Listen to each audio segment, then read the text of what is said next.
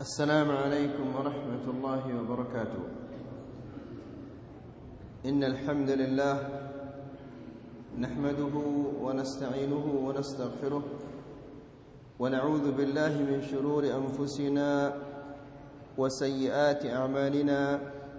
من يهده الله فلا مضل له ومن يضلل فلا هادي له. أشهد أن لا إله إلا الله وحده لا شريك له. وأشهد أن محمدا عبده ورسوله. يا أيها الذين آمنوا اتقوا الله حق تقاته ولا تموتن إلا وأنتم مسلمون. يا أيها الناس اتقوا ربكم الذي خلقكم من نفس واحدة وخلق منها زوجها وبث منهما رجالا كثيرا ونساء واتقوا الله الذي تساءلون به والأرحام إن الله كان عليكم رقيبا. يا أيها الذين آمنوا اتقوا الله وقولوا قولا سديدا. يصلح لكم أعمالكم ويغفر لكم ذنوبكم ومن يطع الله ورسوله فقد فاز فوزا عظيما. أما بعد فإن أفضل الكلام كلام الله. وخير الهدى هدى محمد صلى الله عليه وسلم وشر الأمور محدثاتها فإن كل محدثة بدعة وكل بدعة ضلالة وكل ضلالة في النار. إخواني وأخواتي في الدين أعزكم الله. Bapak-bapak dan ibu-ibu yang dirahmati Allah Alhamdulillah Kita memuji Allah subhanahu wa ta'ala yang telah melimpahkan kepada kita berbagai macam karunia dan nikmat. Di antaranya adalah kita diperkumpulkan di malam hari ini untuk mengkaji firman-firman Allah serta memahami hadis-hadis Rasulullah sallallahu alaihi wasallam. Kemudian juga tidak kita tidak lupa mengucapkan salawat kepada Rasulullah sallallahu alaihi wasallam manusia yang paling berjasa terhadap kita yang kalau bukan karena karunia Allah kemudian jasanya mungkin kita tidak akan mengenal Islam. Kita tidak akan bisa beribadah kepada Allah Subhanahu wa taala dengan baik. Ikhwani wa akhwati fid din a'azzakumullah.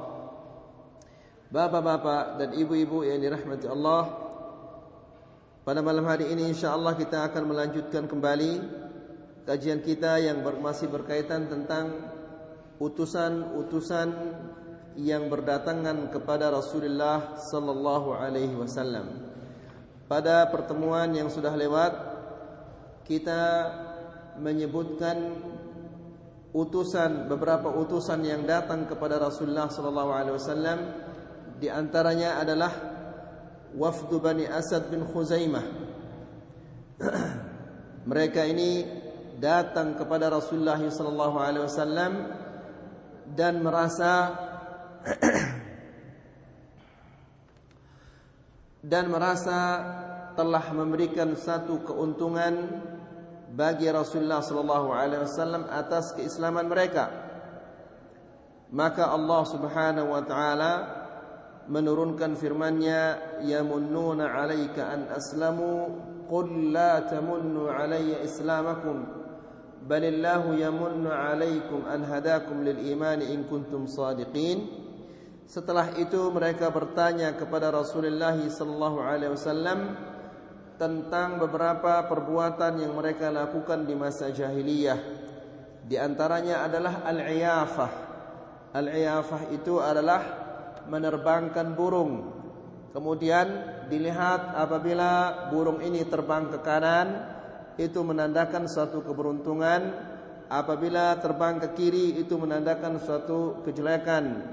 Kemudian juga mereka bertanya kepada Rasulullah SAW tentang perkara-perkara seperti meramal dan yang lain-lainnya yang mereka lakukan di masa jahiliyah dan Rasulullah SAW melarang mereka untuk melakukannya.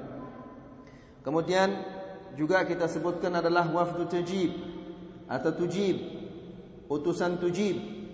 Mereka datang kepada Rasulullah sallallahu alaihi wasallam dengan membawa sisa sedekah mereka.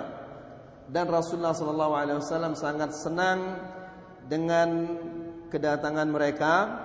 Lalu mereka belajar Al-Qur'an dan beberapa sunnah-sunnah.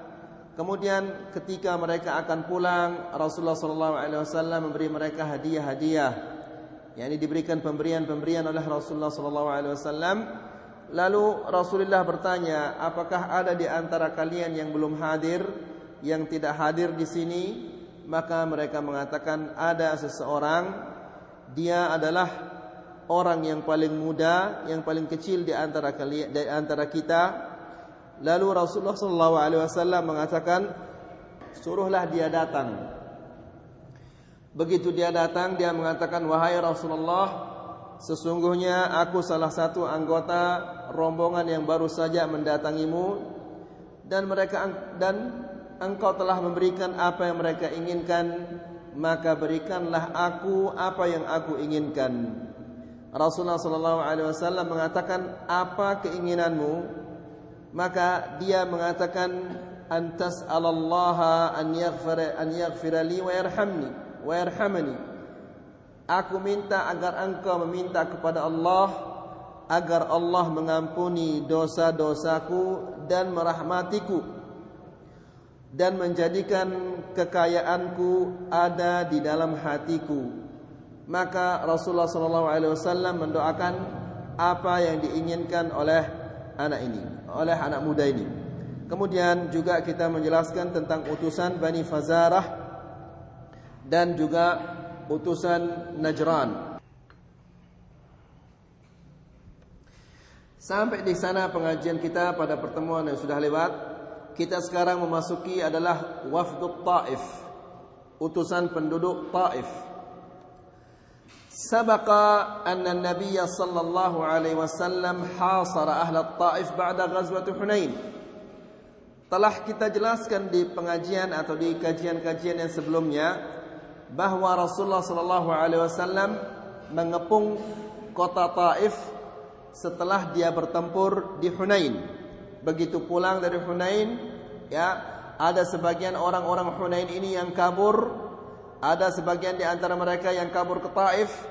Nah, yang kabur ke Taif ini dikepung oleh Rasulullah sallallahu alaihi wasallam, thumma tarakahum fi amakinihim.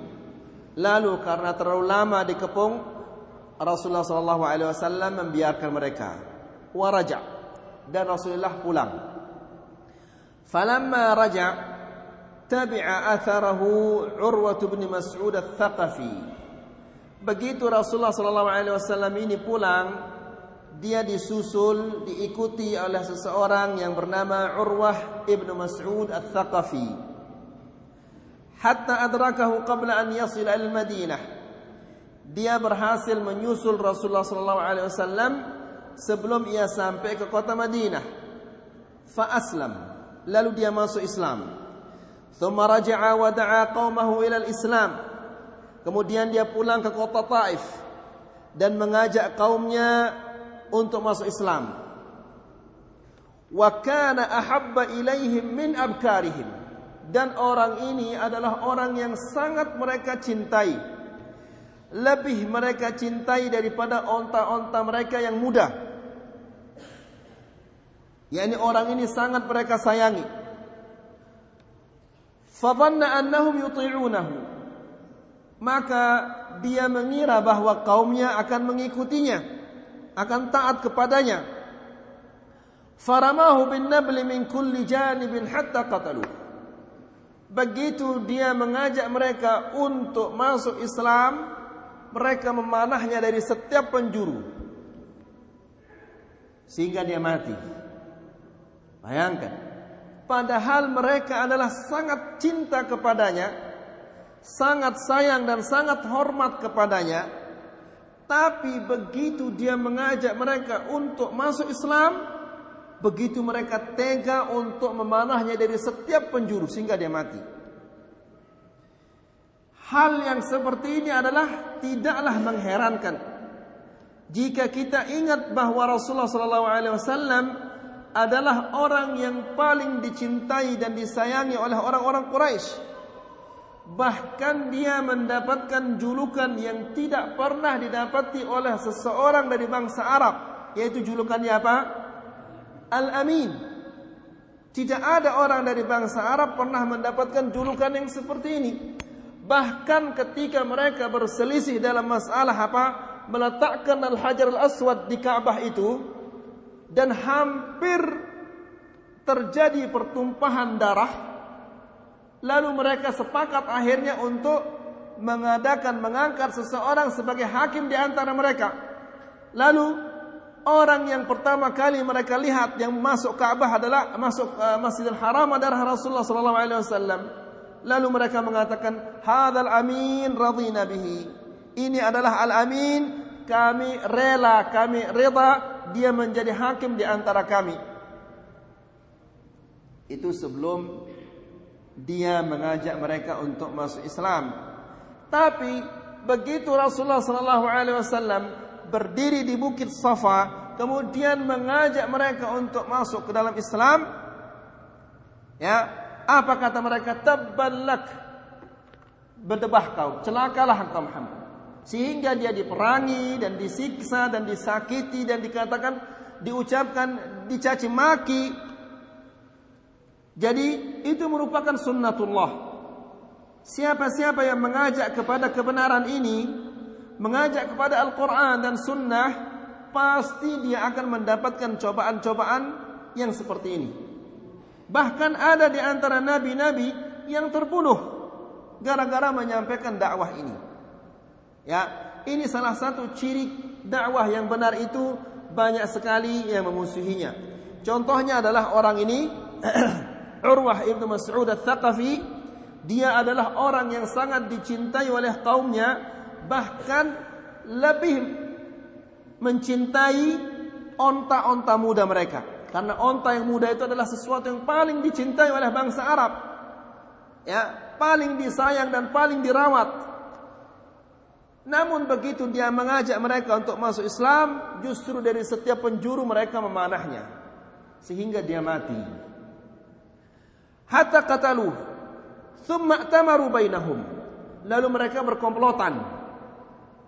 Wa ra'au annahum la taqata lahum biharbi man hawlahum min al-arab setelah mereka bermusyawarah dan berkumpul mereka akhirnya memutuskan bahwa kalau kami sendirian akan melawan orang-orang Arab ini tentunya kami tidak bisa melawan bangsa Arab ini Ya, kalau kita ingin berperang melawan mereka, semua bangsa Arab ini tentunya kita tidak akan mampu. Faba'athu Abdayalil. Karena kota-kota di sekitar kota Taif ini sudah masuk Islam. Banyak di antara mereka yang telah masuk Islam. Membunuh satu orang Islam ini akan membuat kota-kota ini akan ngamuk. Kalau kita bersatu kemudian melawan suku-suku yang ada di sekitar kota Taif ini yang sudah masuk Islam tentunya kita tidak bisa. Maka setelah mereka menyadari hal itu, mereka mengutus seseorang bernama Abdul Yalil bin Amr. Wa ma'ahu khamsata akharuna min ashrafihim. Dan dia juga mengajak lima orang dari pembesar-pembesar dan pemuka-pemuka mereka. Wa fi Ramadan sanata tis'in hijriyah. Dia diutus itu pada bulan Ramadan pada tahun 9 Hijriyah. Falamma qadimul Madinah begitu mereka sampai di kota Madinah daraba alaihim Rasulullah sallallahu alaihi wasallam qubbatan fi nahiyatil masjid. Rasulullah sallallahu alaihi wasallam mendirikan untuk mereka kemah di samping Al-Masjid An-Nabawi. Kenapa? Kenapa orang ini yang telah membunuh salah seorang yang telah masuk Islam dibangunkan, didirikan untuknya kemah di dekat Masjidil Haram, di dekat Masjid Nabawi, liyasma'ul Quran. Tujuannya adalah agar mereka mendengarkan Al-Quran. Ya, mungkin mereka tidak menerima dakwah ini, tidak bisa didakwahi, tapi ketika mereka mendengarkan Al-Quran, mereka akan apa? Melunak hati mereka. Ingat ikhwani fiddin azzakumullah. Ketika Abu Bakar radhiyallahu anhu keluar dari kota Mekah ya, karena saking apa? kerasnya tekanan-tekanan orang Quraisy terhadap Abu Bakar, dia keluar dari kota Makkah. Lalu dia ketemu dengan seseorang, masih ingat namanya? Namanya adalah siapa? Abdullah ibn Dughunnah. Lalu dia mengatakan, wahai Abu Bakar, engkau akan ke mana? Dia mengatakan, saya akan keluar dari kota Mekah, saya tidak tahan lagi dengan apa? Tekanan-tekanan orang Quraisy.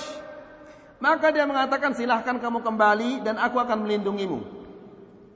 Maka Abdullah bin Dugunnah ini dia memanggil anak-anaknya dan memerintahkan kepada anak-anaknya agar mereka memakai pakaian perang. Ya, pakai pakaian besi dan bawa tombak, bawa pedang. Lalu mereka bertanya, "Untuk apa ini?"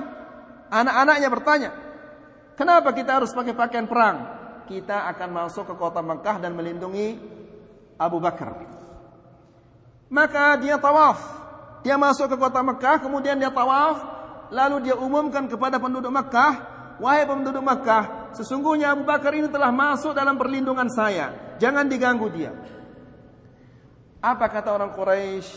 Ya, kami menerima perlindunganmu ini dengan syarat suruh Abu Bakar ini beribadah solat di rumahnya dan jangan membaca Al-Quran secara terang-terangan. Iya, setuju. Akan tetapi lama kelamaan Abu Bakar tidak tahan mungkin dia beribadah di rumahnya saja. Akhirnya dia bikin di depan rumahnya adalah apa? Masjid kecil-kecilan. Lalu dia baca Quran secara terang-terangan.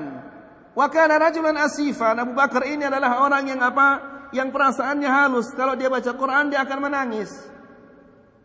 Maka begitu didengar bacaannya oleh apa? Wanita-wanita dan anak-anak muda, semuanya mereka kumpul di rumahnya Abu Bakar. Lalu marahlah orang Quraisy dan mendatangi Ibnu Dugunnah ini lagi sekali, wahai Ibnu Dugunnah, apa yang kami khawatirkan itu terjadi. Kami menyuruh Abu Bakar itu agar dia beribadah dan baca Quran di rumahnya dan jangan dia terang-terangan supaya jangan anak perempuan-anak perempuan kami dan wanita-wanita kami mendengarnya. Tapi dia ternyata apa yang kita sepakati itu dilanggar dan dia membaca Quran secara terang-terangan sehingga anak-anak perempuan dan wanita-wanita kami berbondong-bondong mendengar bacaannya itu. Ini yang kami khawatirkan. Ya. Maksudnya adalah orang Arab walaupun dia begitu kasar, begitu keras, tapi kalau dibacakan Al-Qur'an dia lunak. Antum ingat ketika Rasulullah sallallahu alaihi wasallam tawaf, ya, dan orang-orang apa? pembesar-pembesar Quraisy sedang kumpul di depan masjid di, di, di dalam Masjidil Haram, tiba-tiba secara mendadak Rasulullah sallallahu alaihi wasallam membacakan kepada mereka surah apa? Ayo, siapa yang ingat? Ah, surat An-Najm. Dibacakan berdiri Rasulullah sallallahu alaihi wasallam di hadapan mereka, kemudian membaca wan najmi idza hawa ma dan seterusnya. Sampai di akhir ayat itu, bunyinya apa akhir ayat itu? Fasjudu lillahi wa'budu. Maka sujudlah kepada Allah dan sembahlah kepadanya. Tanpa mereka sadari, mereka semuanya sujud. Ya, padahal Al-Quran itu yang sangat mereka benci. Namun karena indahnya susunan dan kalimat Al-Quran ini dan mereka orang-orang Quraisy ini adalah orang-orang ahli fasahah dan orang-orang yang memiliki balagah yang sangat tinggi. Begitu mendengarkan surah apa surah An-Najm ini dibacakan, semua mereka tercengang.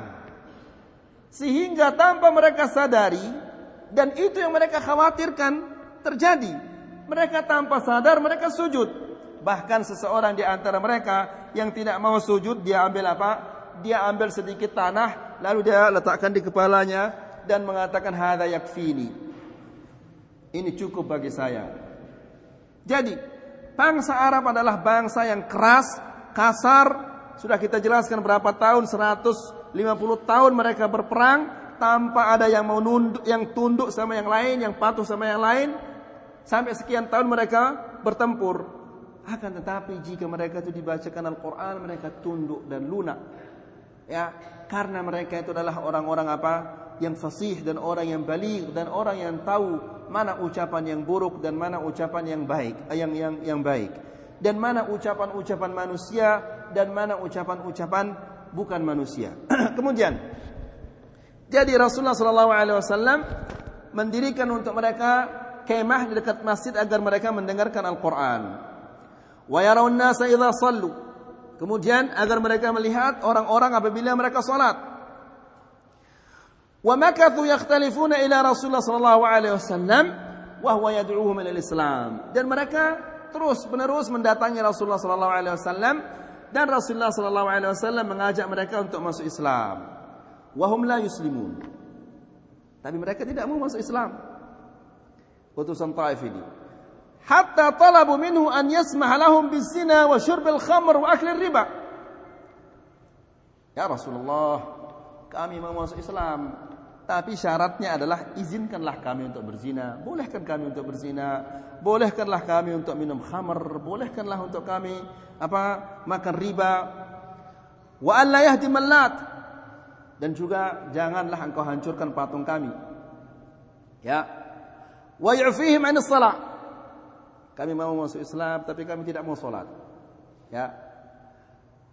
Wa alla yaksiru asnamahum. Dan kami tidak akan menghancurkan patung-patung kami. Coba lihat apa syarat-syaratnya ini. Siapa yang mau menerima begini? Ya. Mereka mau masuk Islam dengan syarat dibolehkan mereka berzina. Dibolehkan mereka minum khamr. Dibolehkan mereka makan riba. Dan patung mereka alat jangan dihancurkan. Ya. Dan mereka apa? Boleh tidak salat. Dan jangan mereka yang menghancurkan patung mereka. Fa'aba Rasulullah sallallahu alaihi wasallam menolak semua permintaannya, permintaan mereka. Wa akhiran radakhu lahu. Akhirnya mereka mau tunduk kepada Rasulullah sallallahu alaihi wasallam wa aslamu dan mereka masuk Islam semuanya yang enam orang tadi itu. Washtaratu an yatawalla huwa bihadmil lat. Tapi syaratnya engkau yang menghancurkan patung kami yang lat itu. Ya. Kalau kami yang menghancurkannya mungkin kaum kami akan ngamuk. Mungkin kami akan disembelih oleh kaum kami. Oleh karena itu, engkaulah yang menghancurkan patung itu. Jadi mereka tidak punya keberanian untuk menghancurkan patung mereka. Wa anna thaqifan la yahtimunaha biaidihim abadan. Dan suku Thaqif tidak mungkin akan menghancurkan patung Allah itu dengan tangan mereka sendiri. Faqabila. Maka permintaan itu diterima oleh Rasulullah sallallahu alaihi wasallam. Wa kana Uthman ibn Abi al-As al-Thaqafi Uthman bin Abil As Al-Thaqafi ini asgharuhum sinnan. Dia adalah orang yang paling muda di antara mereka. Fakanu yakhlifunahu fi rihalihim. Karena dia adalah yang paling muda, maka mereka ini selalu meninggalkannya di apa? Di onta-onta mereka. Di kemah-kemahnya. Yani tidak diajak untuk bertemu dengan Rasulullah sallallahu alaihi wasallam. Setiap mereka bertemu dengan Rasulullah sallallahu alaihi wasallam yang paling muda ini disuruh diam apa? Di kemahnya. Fakana idza raja'u yadhhab ila Nabi sallallahu alaihi wasallam. Akan tetapi apabila rombongannya ini sudah pulang kembali ke kemahnya, dia sendiri pergi ke Rasulullah sallallahu alaihi wasallam. Untuk apa? Yastaqri'uhul Quran. Dia minta untuk dibacakan Al-Quran. Wa idza ra'ahu na'iman Apabila dia temukan Rasulullah sallallahu alaihi wasallam sedang tidur, istaqra Abu Bakar. Dia minta kepada Abu Bakar untuk dibacakan Al-Qur'an. Coba hebatnya yang paling muda ini. Kemarin juga dua tajib itu, utusan tajib itu, yang paling hebat adalah anak muda yang minta apa permintaannya? Dia minta untuk diampuni dosanya dan diberikan rahmah oleh Allah Subhanahu wa taala dan dijadikan kekayaan di dalam hatinya. Demikian juga anak muda ini. Ya. Dia selalu ditinggalkan di apa? Di kemahnya. Tapi apabila rombongan itu sudah pulang, justru dia pergi sendirian ke Rasulullah sallallahu alaihi wasallam dan meminta untuk dibacakan Al-Qur'an. Kalau Rasulullah SAW sedang tidur, dia minta kepada Abu Bakar agar dibacakan Al-Quran. Hatta hafidha syai'an kathiran min Al-Quran. Sehingga dia sehingga dia menghafal banyak surah Al-Quran. Ya. Maka itu ikhwan fillah azakumullah, anak-anak kecil ini ya amanah titipan dari Allah Subhanahu wa taala kepada kita semua. Dan yang namanya titipan itu harus kita jaga.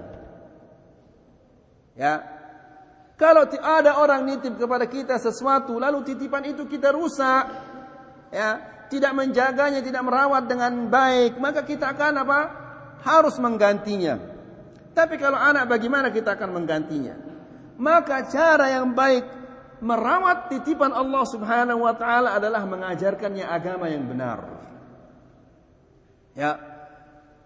Sekarang alhamdulillah dakwah salafiyah ini ma'had-ma'hadnya sekolah-sekolahnya ada. Di Lombok Timur, Lombok Barat, Lombok Tengah, Masya Allah ada saja. Maka antum akan bertanggung jawab di hadapan Allah Subhanahu wa taala jika antum sekolahkan anak-anak antum di sekolah-sekolah yang apa yang mengajarkan kepada anak-anak kita potong bebek angsa. Ya. Seharusnya dari kecil anak-anak kita diajarkan ayat-ayat Al-Qur'an, hadis-hadis Rasulullah sallallahu alaihi wasallam, tapi anak-anak kita justru diajarkan apa? Balonku ada lima, meletus satu dor dan yang seterusnya. Apa manfaatnya itu? Ya. Apa kita tidak iri hati? Sudah tua-tua Baru cuma hafal qul huwallahu qul a'udzu birabbil falaq qul a'udzu birabbin nas. Sudah tinggal 4 rakaat masuk ke kuburan, hanya itu saja hafalannya. Apa antum tidak senang melihat anak-anak anak kita yang kecil-kecil sudah hafal satu juz, dua juz, kemudian menghafal apa? Uh, hadis-hadis arba'in nawawiyah, hadis-hadis riyadhus salihin yang masya Allah. Ini yang kita uh, yang kita uh, yang kita inginkan. Dan anak-anak seperti inilah apa yang mengirimkan kita doa ketika kita meninggal nanti. Suatu saat saya pernah diundang untuk apa salat jenazah. Yang mengherankan ketika saya sampai di sana, anak-anaknya datang. Anak-anaknya meninggal ini dan dia bertanya kepada saya, "Bagaimana cara kita salat jenazah?" Bayangkan. Anaknya Masya Allah sudah apa? yakni pangkatnya tinggi-tinggi tapi tidak bisa mensolati bapaknya. Apa gunanya? Saya Masa kamu jadi pejabat ini, ini, ini, gajimu sekian, mobilmu sekian, bisa kamu solati bapakmu? Ya? Dia nanya, bagaimana cara saya sholat jenazah? Apa saya baca? Coba. Ini sudah gara-gara masukkan ke TK, potong bebek kangsa, akhirnya begini. Ya, Anak tidak hafal ayat Al-Quran. Wala hafal hadis-hadis Rasulullah sallallahu alaihi wasallam. Ya, ikhwani fi din azakumullah, rubah pandangan kita ini. Kita ini menyekolahkan anak kita hanya sekedar untuk mendapatkan pekerjaan. Ya, sekolah sudah anak tinggi-tinggi sekolah biar kamu cepat dapat pekerjaan. Hanya itu saja. Subhanallah, ini orang yang seperti ini rububiyahnya lebih lebih jelek daripada rububiyahnya Abu Jahal. Ya, karena dia khawatirkan terhadap rezekinya. Seolah-olah kalau dia jadi, tidak jadi pegawai negeri tidak akan makan. Ya, padahal Allah Subhanahu wa taala sudah menjamin semut saja diberi rezeki oleh Allah, burung semua makhluknya diberi rezeki oleh Allah Subhanahu wa taala. Maka orang-orang yang seperti ini seolah-olah dia tidak yakin bahwa Allah yang beri rezeki. Seolah-olah kalau orang itu tidak jadi pegawai negeri tidak jadi tidak dapat apa? Tidak dapat makan. Alhamdulillah ini pemikiran yang sangat terbalik ini. Ini lebih jelek rububiyahnya daripada rububiyah Abu Jahal. Abu Jahal dah yakin bahwa rezeki itu di tangan Allah. Ya. Kalau kita tanya siapa yang beri rezeki, dia mereka mengatakan Allah yang beri rezeki. Ya.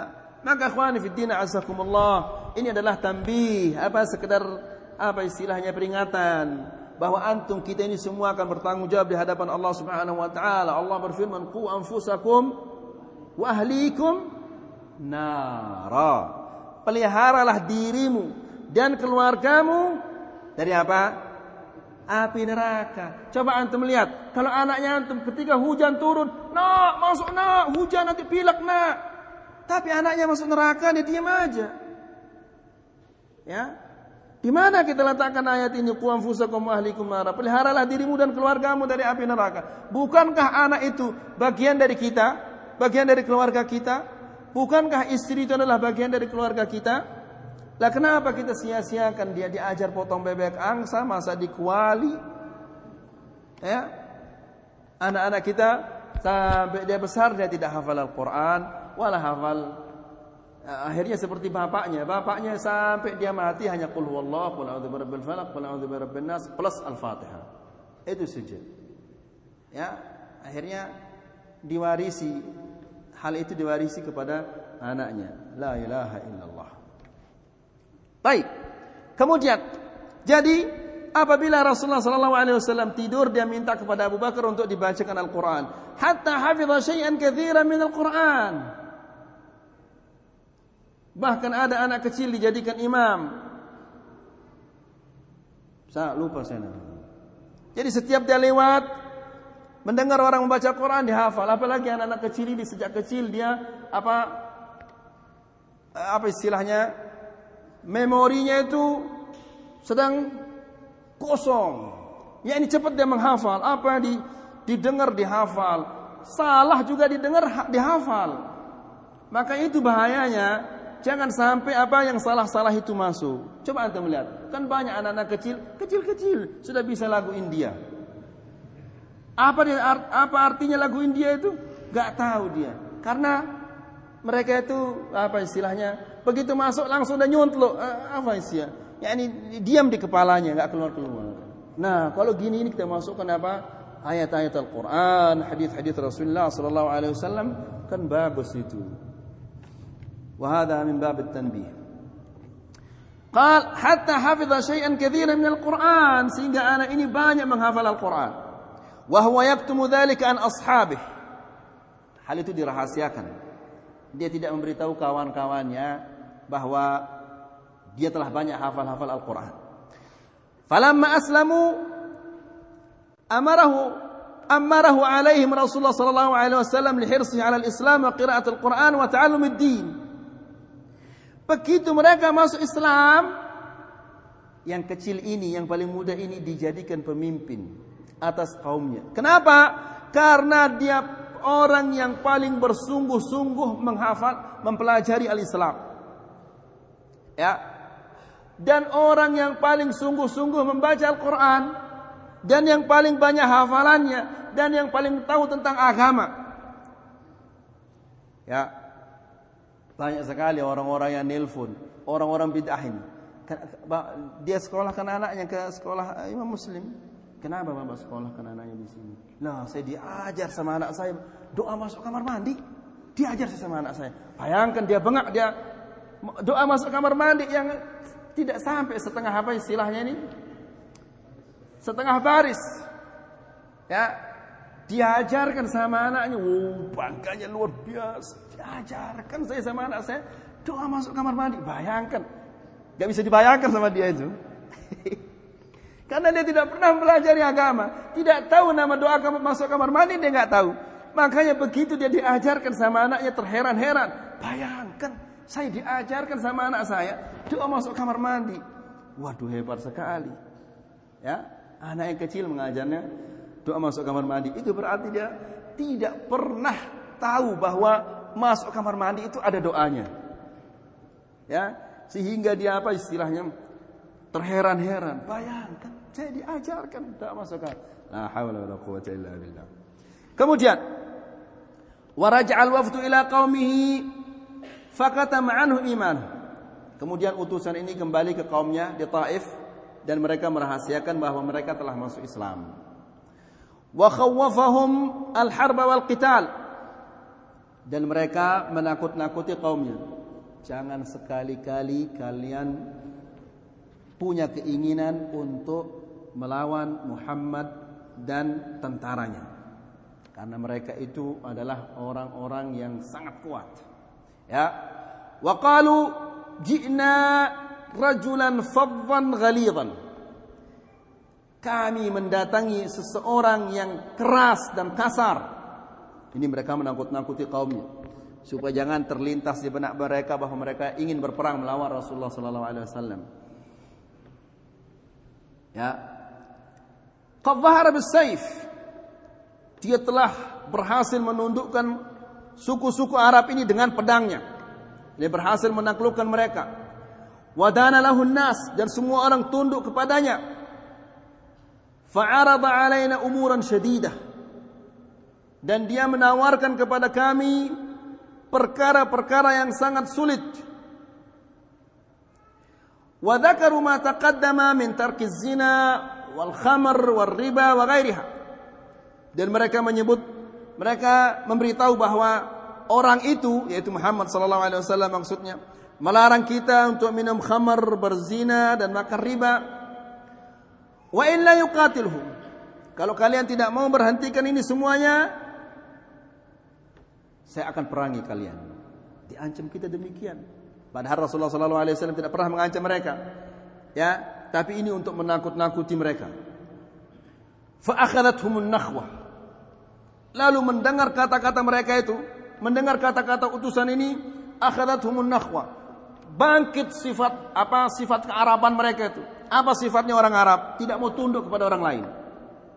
Ya. Sudah kita mengatakan Aus dan Khazraj ini sekian sekian tahun sampai 160 tahun mereka berperang dan tidak ada yang mau tunduk.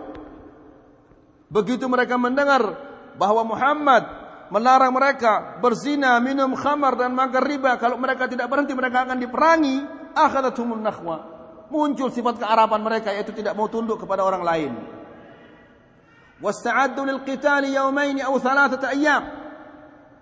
Kemudian mereka bersiap-siap untuk berperang. Ya, mereka melakukan persiapan selama dua hari atau tiga hari untuk berperang. Thumma alqallahu fi qulubihim ru'b. Lalu Allah Subhanahu wa taala menurunkan ke dalam hati, memasukkan ke dalam hati mereka rasa takut. Faqalu lil wafd, lalu mereka mengatakan kepada utusan yang tadi, irji'u fa'tuhu ma. Silahkan kalian kembali lagi sekali dan katakanlah kepada Muhammad bahwa apa yang dia inginkan itu kami akan patuhi, kami akan taati. Faqala al-wafd lalu utusan ini mengatakan qad qadainahu wa aslamna. Di apa? Diberitahulah kami sudah bantah-bantahan sama dia, sama Muhammad itu dan kami semua telah masuk Islam. Tadinya mereka merahasiakan, tapi begitu mereka melihat bahwa kaumnya sudah apa? Sudah mulai mau patuh, mau tunduk, mereka uh, menampakkan keislaman mereka. Fa aslama Thaqif. Lalu suku Thaqif ini semuanya masuk Islam. Wa ba'atha Rasulullah sallallahu alaihi wasallam Khalid bin Al-Walid wal Mughirah bin Syu'bah Al-Thaqafi fi rijal ila Taif liyahdimu al-Lat. Lalu Rasulullah sallallahu alaihi wasallam mengutus Khalid bin Al-Walid dan Al-Mughirah bin Syu'bah Al-Thaqafi dan beberapa orang untuk menghancurkan patung Al-Lat.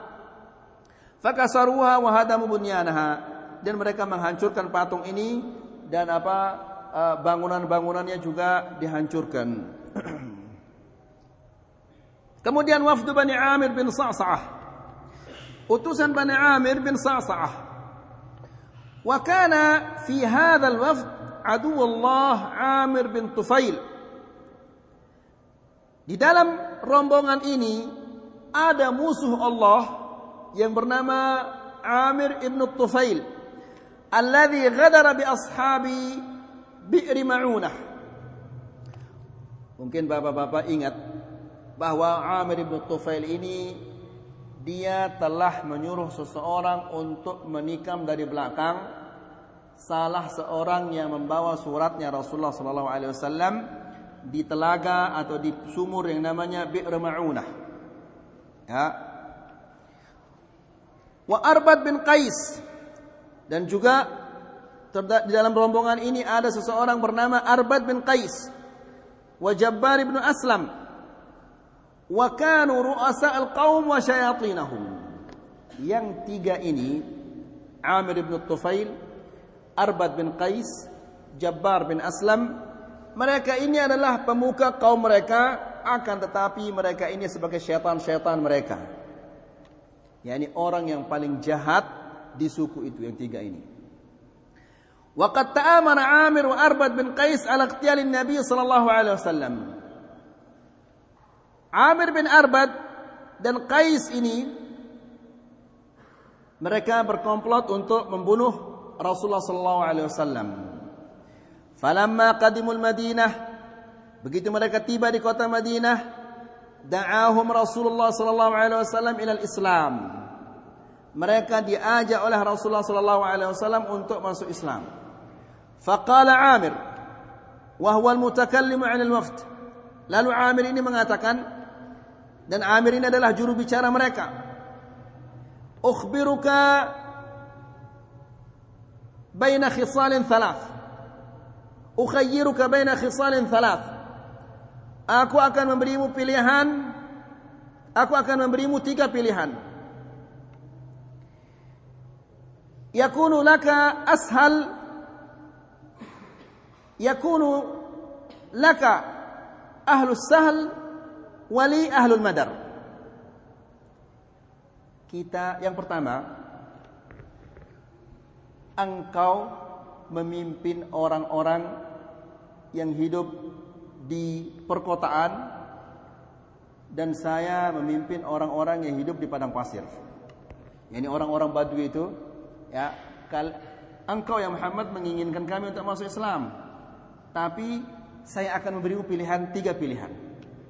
Ya, kita bagi kepemimpinan ini menjadi dua. Orang-orang perkotaan ini engkau yang memimpinnya. Adapun orang-orang yang tinggal di padang pasir, di pelosok-pelosok itu saya yang memimpinnya. Wa akunu khalifatak min ba'dik. Dan jika engkau mati, aku akan penggantimu. Ya. Jadi dia masuk Islam juga bersyarat ini. Au aghzu bika bi alfi ashqar wa alfi syaqra. Atau aku akan menyerangmu dengan suku Ghatafan dengan seribu orang berambut pirang, wanita-wanita juga yang berambut pirang. Maksudnya kami akan menyerangmu dengan suku Ghatafan, semua suku Ghatafan akan ikut menyerang bersama saya. Ini pilihan yang kedua. Farafada Rasulullah sallallahu alaihi wasallam dzalik. Rasulullah sallallahu alaihi wasallam menolak semua itu. Kepemimpinan dibagi dua, dia tolak. Dia menjadi pengganti Rasulullah sallallahu alaihi wasallam setelah dia meninggal juga ditolak oleh Rasulullah sallallahu alaihi wasallam. Kalau dia tidak mau dia akan diserang oleh apa? Suku Ghatafan. Semua permintaan itu ditolak oleh Rasulullah sallallahu alaihi wasallam. Lalu Rasulullah sallallahu alaihi wasallam mengatakan, Allahumma kfini amiran wahdi qaumah. Ya Allah, cukupkanlah aku dengan Amir ini karena ini adalah orang yang paling jahat di sukunya dan ini orang yang telah membunuh utusan Rasulullah sallallahu alaihi wasallam yang membawa surat itu telah diutus telah dibunuh oleh Amir ini. Maka Rasulullah sallallahu alaihi wasallam berdoa, "Ya Allah, cukupkanlah saya Amir ini." Artinya, aku serahkan urusan Amir ini kepadamu ya Allah dan berilah petunjuk kepada kaumnya. Wadar Arbad. Lalu di saat Rasulullah sallallahu alaihi wasallam berbicara dengan Amir ini, orang yang kedua yang bernama Arbad bin Qais ini mutar dari belakangnya Rasulullah sallallahu alaihi wasallam. Hinama kana Amir yatakallam.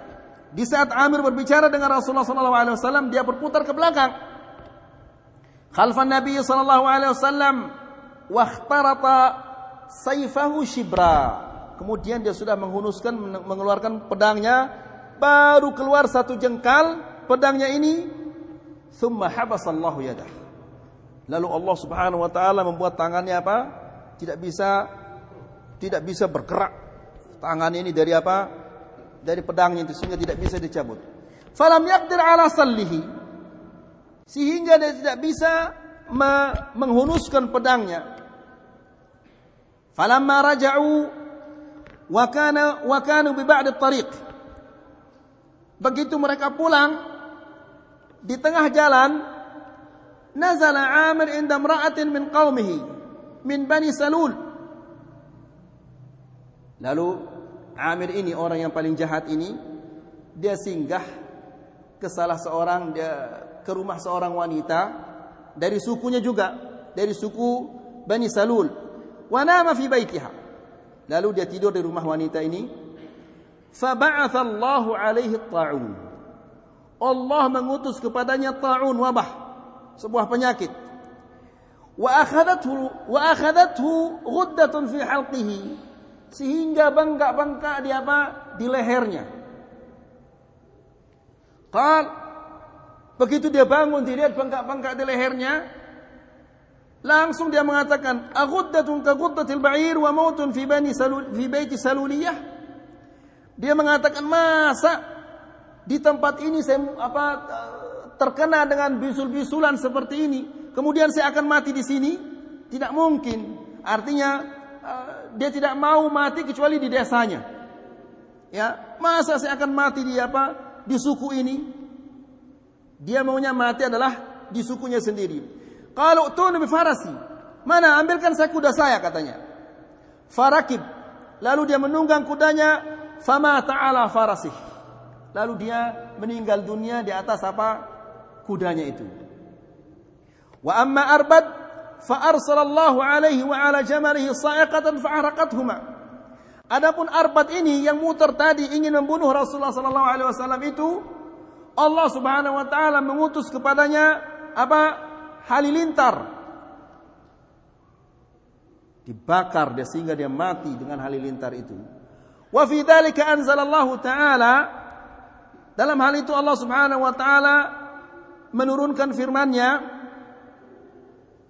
wa yursilus sawa'iq dan Allah lah yang melepas halilintar fayusibu biha maka Allah mengenai dengannya dengan halilintar itu mayyasha